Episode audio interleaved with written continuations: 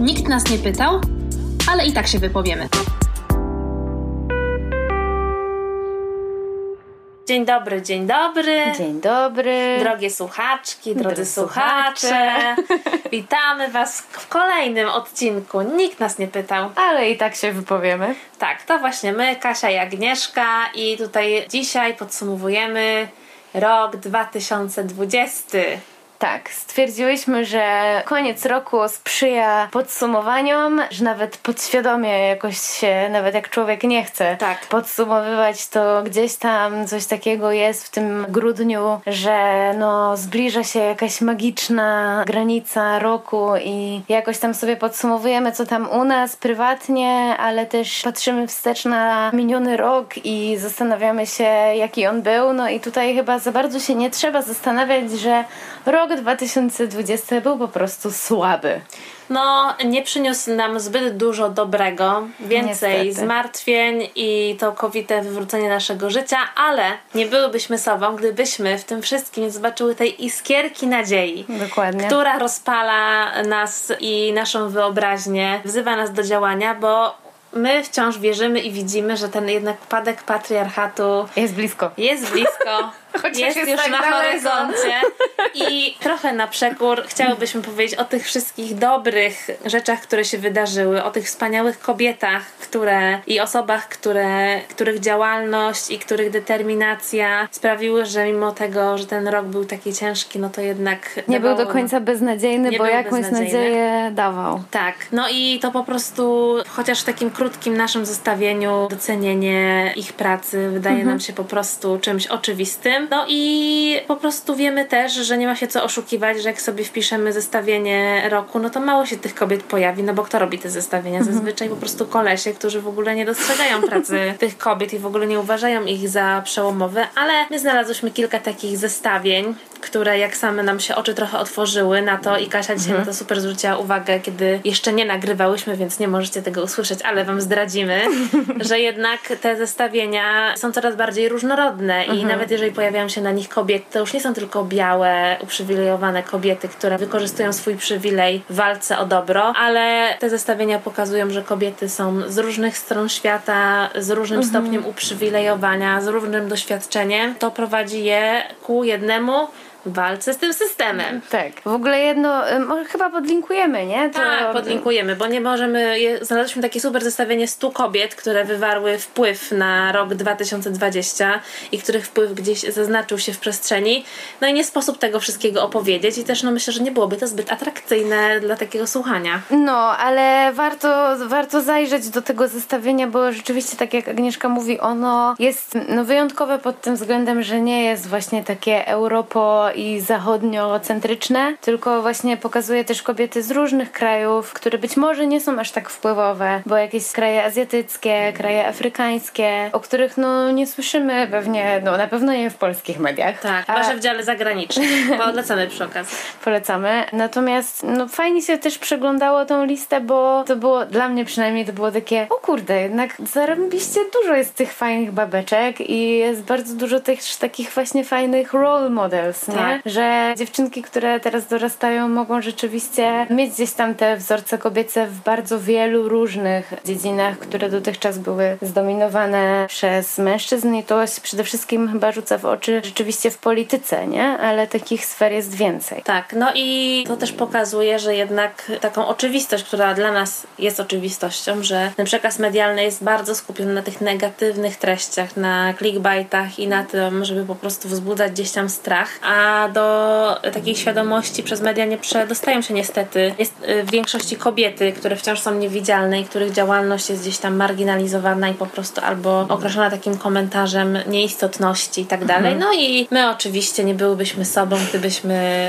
w tym odcinku podsumowującym nie poszły trochę naprzeciw temu i nie podjęły tego wyzwania i opowiedziały o tych super kobietach i super wydarzeniach, które jednak dają iskiereczkę nadziei. Tak, i dużo takich kobiet się rzeczywiście jakoś tak ujawniło albo coś ujawniło w tym roku i o tych wszystkich postaciach będziemy chciały powiedzieć. No i od czego chcesz Agnieszka zacząć? No ja myślę, że jednak trzeba zacząć od tego, że w tym roku miały miejsce dwa bardzo duże i przełomowe wydarzenia. Jedno w Stanach Zjednoczonych, drugie w Polsce. Mhm. No i jeżeli chodzi o Stany Zjednoczone, to mamy ruch Black Lives Matter, którego nie liderkami, ale właśnie założycielkami, jak mhm. same zaznaczają, są trzy kobiety. No i oczywiście w Polsce mamy strajk kobiet który zrobił ogromną robotę i wciąż robi ogromną robotę i który po prostu pokazał, że kobiety chcą o sobie decydować i zabierać głos i nikt nie będzie nam nigdy wmawiał inaczej.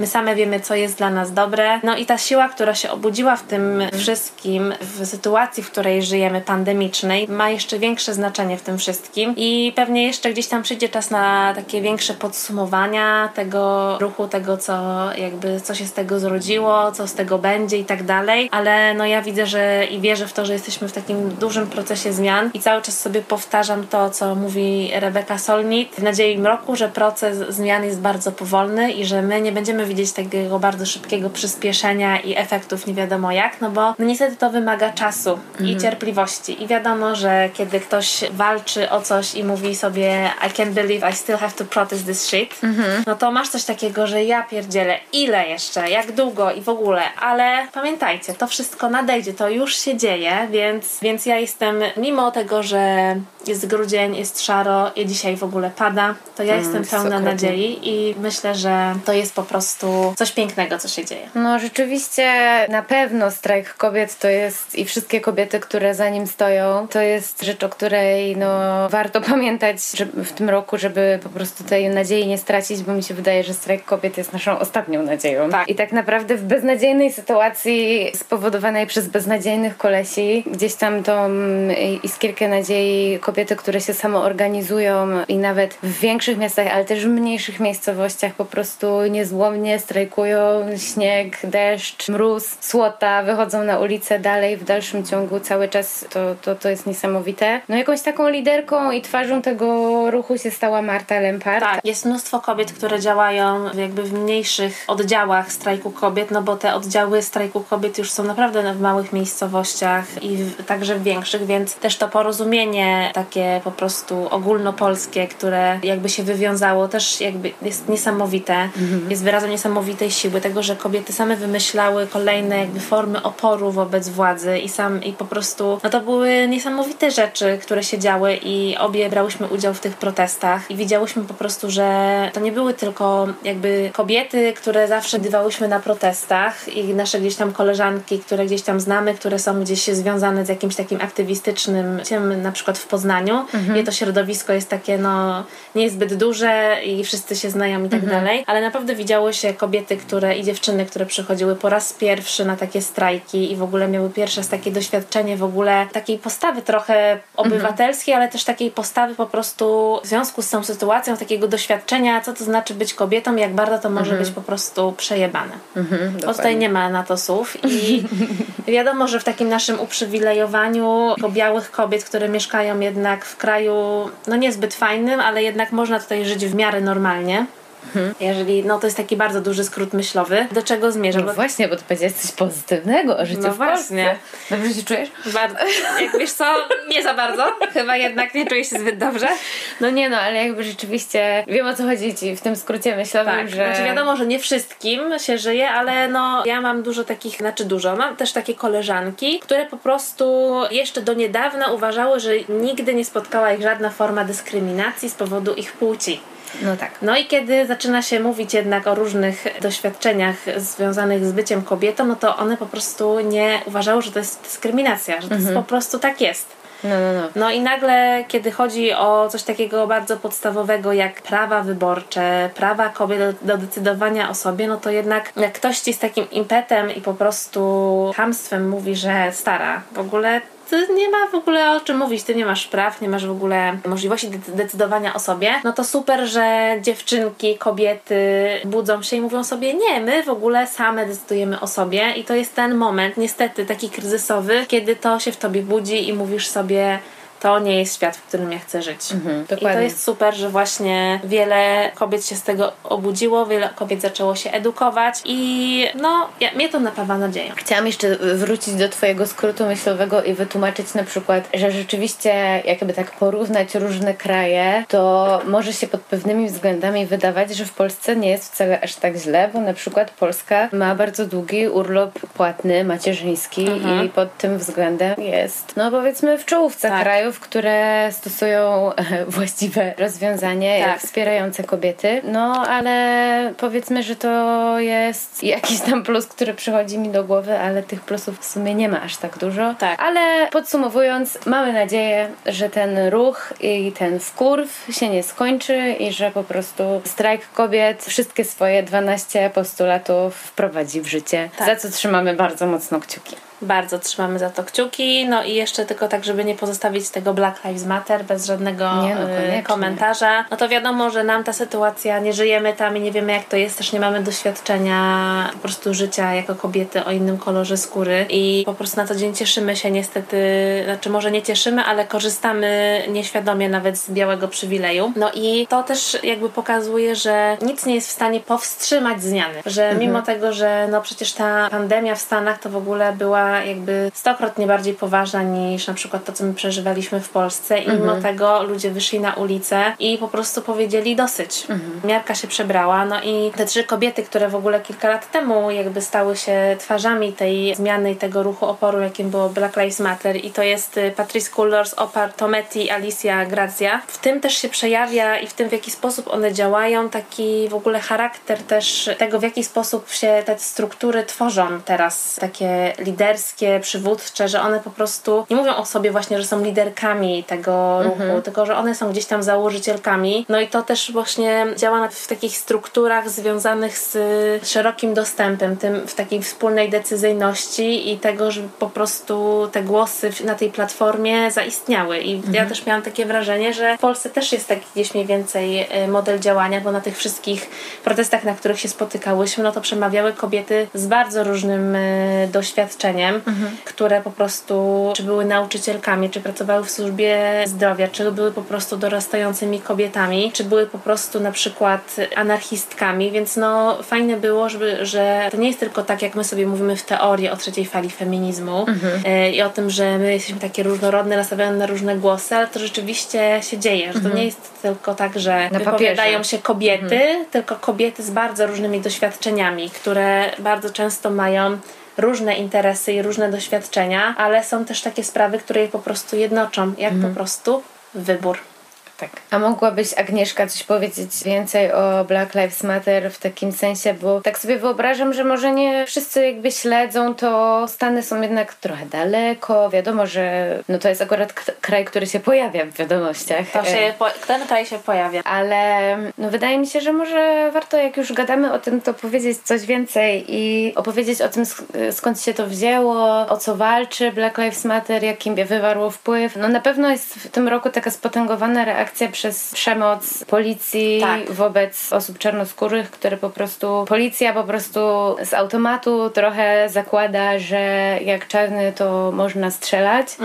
Jakby w dużym oczywiście też uproszczeniu teraz i przepraszam wszystkich za niedelikatność moich słów, ale nie wiem, ja też zawsze mi się to przypomina ten problem, jak słucham takiego kawałka George Smith, który śpiewa właśnie o tym, że jak słyszysz syreny, to zachowaj się spokojnie, bo być może one nie wołają o ciebie i że jakby ostrzega osoby o niebiałym kolorze skóry, żeby po prostu nie reagowały nerwowo, żeby nie zaczynały biec czy chować się, kiedy słyszą syreny, co jest jakimś takim no, odruchem No. kiedy się wychowuje w dużych miastach, Stanach pewnie, albo gdzieś na przedmieściach, tak mi się wydaje. Wiadomo, że też jakby, no tutaj mówię o czymś, o czym być może nie mam pojęcia, ale no właśnie gdzieś to znam powiedzmy z filmów czy z piosenek. No ale to się wszystko w tym roku jakoś tak spotęgowało cały ten ruch. Tak. Nie? Przez, to było w Minneapolis, strzelanina? Tak, tak. No ale tak tylko, żeby skrócić, bo mamy jeszcze dużo kobiet, o których chcę powiedzieć, to ja tylko powiem, że na fali tego nagrałyśmy z Martą Mazurek, kiedy ciebie nie było, dwa odcinki o Białym Przywileju i Tak. w- są dwie części i w jednej z części, już nie pamiętam w pierwszej czy w drugiej, mówimy więcej o Black Lives Matter, o tym jakby skąd, jak to się zaczęło, więcej mówimy o liderkach, więc ja po prostu sobie pozwoliłam na pewną hasłowość, żeby, Aha, żeby odesłać... stałych słuchaczy już nie zanudzać, a Dobrze. nowych słuchaczy po prostu Ja odesłać. muszę sobie przypomnieć, bo ja słuchałam tego odcinka, ale No, widzisz, muszę sobie y, jeszcze możecie raz sobie do niego po prostu sięgnąć. dać, bo ja na przykład jestem bardzo dumna z tego odcinka, bo uważam, że Marta świetnie jakby nakreśliła ten Mhm. problem białego przywileju i dlaczego właśnie to hasło Black Lives Matter jest nie powinno właśnie brzmieć Black Lives Matter, a nie All Lives Matter. Mhm. Więc ja bardzo polecam ten odcinek, bo no Marta jest po prostu super. I ja się cieszę, że udało mi się w naszym imieniu ją zaprosić, żeby opowiedzieć o tym temacie. Więc po prostu, żeby tego nie przedłużać i powiedzieć jeszcze o tych innych kobietach, o których jeszcze nie mówiłyśmy w odcinkach, Dobrze. to po prostu To odsyłamy Was tam. Odsyłamy. I to może przejdziemy do tego, że jednej postaci też w Stanach, tak, nowej, nowej. czarnoskórej, Tak, która jest już po prostu, takie nadzieje są w niej to pokładane. jest zdobycz cywilizacyjna, Tak, i Kamala Harris, no to jest po prostu. Ja jestem zachwycona i ja mam nadzieję, że ona będzie prezydentką, że to jest tylko taki pomościk, który Joy Biden, jej, Joy Biden, bo to już nie może być nikt inny jak Joy Biden. Pozdrawiamy wiadomości. Robi jej i dla jej kariery politycznej i po prostu skalę tego znaczenia w ogóle tego, że ona zostaje tą wiceprezydentką, najlepiej chyba oddawał taki bardzo krótki obrazek, który ja widziałam, kiedy masz tych wszystkich poprzednich wiceprezydentów, którzy po prostu byli starymi białymi dziadami i po prostu na końcu tego pojawia się Kamala, która po prostu no, jest totalnym zaprzeczeniem i jakby totalnie na innej orbicie oscyluje niż ci wszyscy panowie. No i sobie myśli, że ten Trump sobie idzie i mamy nadzieję, że odda tę władzę. Jezu, Niech on już wy, od, wychodzi z tego pałacu. I po tym wszystkim, po tym po prostu rękami i nogami. kilku latach, które były takimi po prostu, że myślisz sobie, że jak to jest możliwe, że w ogóle ten pomarańczowy koleś w ogóle mówi takie rzeczy i ma taki wpływ i przychodzi taka wspaniała kobieta. No i przychodzi zmiana. Przychodzi Na zmiana. lepsze. Więc słuchajcie, to się naprawdę To się może dzieje. udać, więc oczywiście wiemy, że tutaj sceptycy i sceptyczki mogą sobie powiedzieć swoje, ale nikt nam nie zabierze tego dobrego nastroju. Tak. I tej wiary, którą Będziemy pokładamy. się, tego dobrego nastroju się musimy trzymać po prostu, żeby była dobra końcóweczka tego Tak, roku. no i a propos liderek, no to ty Kasia znalazłaś dużo fajnych informacji o kobietach, które radziły sobie w tym trudnym 2020 roku świetnie. Tak, jak już właśnie jesteśmy przy przywódczyniach państw, właśnie wspominając tutaj Kamalę Harris, pierwszą czarnoskórą wiceprezydentkę Tak. Stanów Zjednoczonych, to ja chciałam wspomnieć na początku tej mojej wypowiedzi, którą właśnie niezbornie zaczynam, chciałam wspomnieć o takim memie, który swego czasu obiegł internet. I to był mem, który jakby wskazywał na pewną zależność pomiędzy tym, że jeżeli krajem rządzi kobieta, no to o dziwo ten kraj jakoś nie jest tak zupełnie w dupie, jak chodzi o tą pandemię. No i takich przykładów kobiet, które świetnie sobie właśnie poradziły z kryzysem epidemicznym, jest bardzo wiele takich przykładów. Jest na przykład, no chociażby zaczynając od najbliżej po sąsiedzku mamy Angelę Merkel, która jednak, no Niemcy nie mają aż takich fatalnych wyników, jak chodzi o śmiertelność i zarażalność tym wirusem. I ja na przykład podziwiam Angelę za to, że nie bała się podjąć trudnej i kontrowersyjnej decyzji, czyli zabroniła Niemcom tych ich jarmarków świątecznych, co w ogóle jest dla nich ciosem, bo to jest dla nich na pewno jak gorzej jak święta bez Kevina. Oj tak. Nie bała się podjąć tej trudnej decyzji, że jednak bezpieczeństwo jest ważniejsze i rzeczywiście ma dobre wyniki w starciu z koroną. No i z czego to wynika? I w ogóle jeśli chodzi o inne takie liderki, no to wynika z tego, że kobiety po prostu chętniej słuchają naukowców i to jest jakby wspaniały przykład na to, że no jeżeli chcemy sobie poradzić z różnymi kryzysami, które czekają ludzkość, czy jeśli chodzi o kryzys klimatyczny, czy chodzi o kryzys pandemiczny, bo tutaj jakąś taką paralelę widzę, że żeby sobie dobrze radzić z tymi problemami, no to musimy zaufać naukowcom i musimy I dofinansować. naukowczynią. I naukowczyniom. No właśnie, bo to też Tak. naukowczynie odkryły szczepionkę, nie? Tak. To są głównie głównie kobiety też. Te najważniejsze nazwiska, które jakby padają, chodzi o wynalezienie szczepionki. No więc naukowczyniom, naukowcom warto zaufać, no i też myślę, że kierują się bardziej taką empatyczną postawą i nie unoszą się pychą i gdzieś tam argument gospodarczy wiadomo, że jest ważny, no bo nikt nie chce żyć w biedzie, ale jednak są argumenty ważniejsze niż tylko ratowanie gospodarki i właśnie te przywódczynie, które się tym kierowały, dobrze sobie poradziły z pandemią. Tak, i, i takim... też premierkę Finlandii. O, ona jest w ogóle wspaniała. To, co to jest za pozna, ogóle... postać? no bardzo młoda i to jest też świetne. Ona ma 34 lata. No, więc pomyśl sobie, że mogłybyśmy być za 2-3 lata premierkami. No. I Sanna Marin, bo tak się nazywa, w ogóle, no ona też trzeba powiedzieć, że ona żyje w takim trochę feministycznym raju. No. No nie? No bo Finlandia jest krajem, który bardzo zwraca uwagę od wielu dekad na gender equality i taką równość płci. Jednak ta Skandynawia no jednak ta Skandynawia, nie? I u nich jest tak, że teraz jakby dorosłe osoby, to jest pokolenie, które dorosło już na tej polityce gender equality, więc mhm. jakby to widać, że to... To jakby, można zrobić. Można to zrobić i to procentuje. To oczywiście nie znaczy, że problemy znikają, po prostu to nie, tak, to nie jest tak, że tylko tam unicorny latają w Finlandii i Jest oczywiście tam ogromny problem z też cały czas jakby z przemocą wobec kobiet, czy z różnicą w, w, płacach. w, w płacach, ale jeśli chodzi o tą równość kobiet jakby ich do reprezentacji reprezentowanie u władzy, no to, no to jest jakiś feministyczny raj. Tam też przez 12 lat była prezydentka Mhm. I podobno nawet dochodziło do takich śmiesznych sytuacji, że małe dzieci się pytały swoich rodziców w Finlandii, jak tak długo już mhm. była kobieta y, u steru, a czy mężczyzna też może być prezydentem? Jezu. I kocham i w ogóle czekam, aż te czasy nadejdą też w Polsce. To by było cudowne. W każdym razie wracając do Sadny Marin też wspaniała liderka. Liderka koalicji, która się składa z czterech partii, którym przewodzą kobiety, tak samo jak Sanna Marin przed 40. Wow. Więc to za wspaniała koalicja kobiet, więc jest to możliwe, to się dzieje. Oczywiście Sanna Marin też jakby, żeby nie było tak różowo, też się musi zmagać z różnymi objawami też jakby dyskryminacji, bo mówią na przykład o niej najpiękniejsza głowa państwa. No proszę. Co no jest miłe, ale no jakby, jakby wiecie, znowu... Women don't owe you pretty. No więc właśnie. No i też była wielka afera, jak zapozowała kiedyś do zdjęć, miała sesję fotograficzną dla w ogóle magazynu modowego, więc to nie jest tak, że ona mhm. poszła tak do pracy ubrana. No. no ale miała marynarkę na sobie nie miała pod tą marynarką koszuli, no. ani stanika. Ja widziałam to zdjęcie i ono w ogóle nie jest wulgarne. Jest wręcz jakby zrobione, jest eleganckie, jest zrobione jakby z klasą. No. no i oczywiście się posypały na nią gromy. No, że jak to może być, że to jest głowa państwa, że coś tam. Także wiecie, jakby w Finlandii jest dużo lepiej, ale nadal nie jest. jest nie jest idealnie. Nadal jest idealnie, ale Sanny Marin w ogóle polecamy jej koalicję kobiet i w ogóle gratulujemy i zazdrościmy. Tak. Ale też, żeby nie było tak, że właśnie tylko z Europy, to ja jeszcze tylko chciałam powiedzieć o prezydentce Tajwanu, bo tam też jest prezydentka. Jestem pewna, że źle przeczytam jej nazwisko, ale nie umiem niestety w takie języki. Tsai Ing-wen tak się nazywa, mhm. prezydentka mhm. Tajwanu i ona też sobie świetnie poradziła, wyprowadziła Tajwan w ogóle z pandemii bardzo szybko. Też się nie bała kontrowersyjnych decyzji, bo zrobiła kompletny ban na loty z Chin, mhm. które były siedliskiem zarazy. Udało jej się jakby pomimo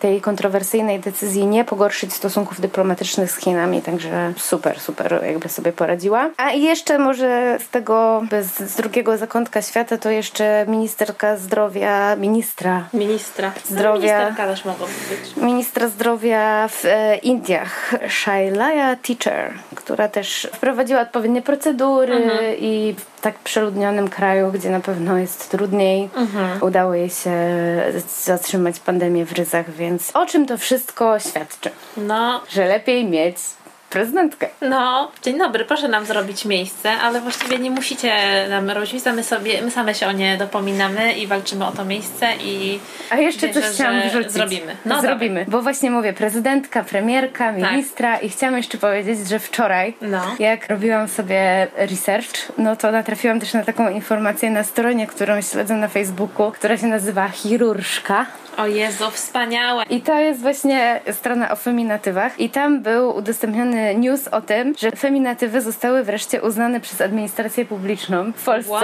i będzie można już mieć na pieczątce. To ten rok To przyniósł jest- taką zmianę? Tak, dokładnie, więc No już... to sorry, to powinien być jakby główny news tego podcastu. No, więc ja sobie zmieniam moją pieczątkę, którą mam, bo mam pieczątkę wiceprezes stowarzyszenia, więc na pewno sobie zamawiam nową wiceprezeska. No, to jest wspaniałe. I wszystkie dyrektorki, i wszystkie premierki, i wszystkie ministry będą mogły sobie już zmienić pieczątki. No to jest piękne. To jest wspaniały tak, news. z, z takim newsem możemy kończyć.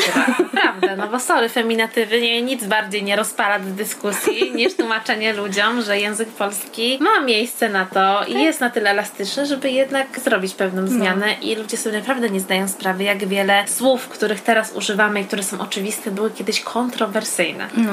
No a propos jeszcze chirurżki, to ja ostatnio też miałam taką dyskusję i kolega mi powiedział, że jego koleżanka, która jest feministką też, to ona też właśnie feminatywy super, ale jej się chirurżka nie za bardzo podoba, to ona używa chirurgini. O Jezu, chirurgini, piękne. No, Trochę chirurgini, więc też podrzucamy taką propozycję. Mi się bardzo też spodobało chirurgini, więc A mi, tak, się, mi się podobają te zgrubione właśnie ministra albo dyrektora. dyrektora też super, no. Tak brzmi po prostu, jakby ona panowała i unosiła się nad wszystkim. No tak, no. No bo tak jest. Tak jest.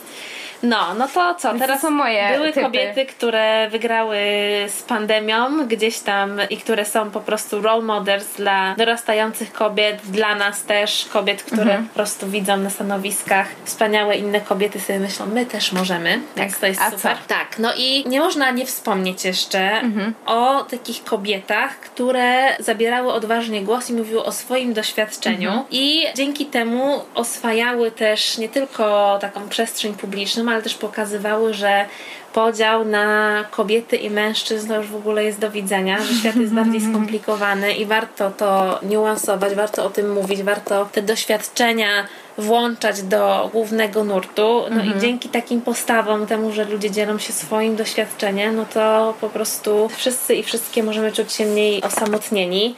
No i można i trzeba wspomnieć o coming outcie Sylwii Hutnik, Którą pozdrawiamy, bo nas słucha. tak, wiemy, że nas słucha i nawet powiedziała, że jesteśmy fajne, więc w ogóle Sylwia dzięki. My Ciebie też uwielbiamy. Tak, i, i bardzo... Wychowywałyśmy się na Twoich książkach, więc Tak. Kieszonkowy Atlas Kobiet to była dla mnie taka lektura, że wow. Więc polecam też przy okazji, już kiedyś chyba polecałyśmy. Więc to jest super i ja w ogóle nie mogłabym być bardziej dumna, że kobieta, która no, gdzieś tam jest u początków mojej drogi feministycznej była, jakby cały czas realizuje tę misję po prostu oswajania, też przybliżania i bycia po prostu wspaniałą kobietą, która jest takim po prostu trochę też wzorem. Oczywiście nie chcę tutaj popadać w patos, ale przecież trochę patosu nam nie zaszkodzi.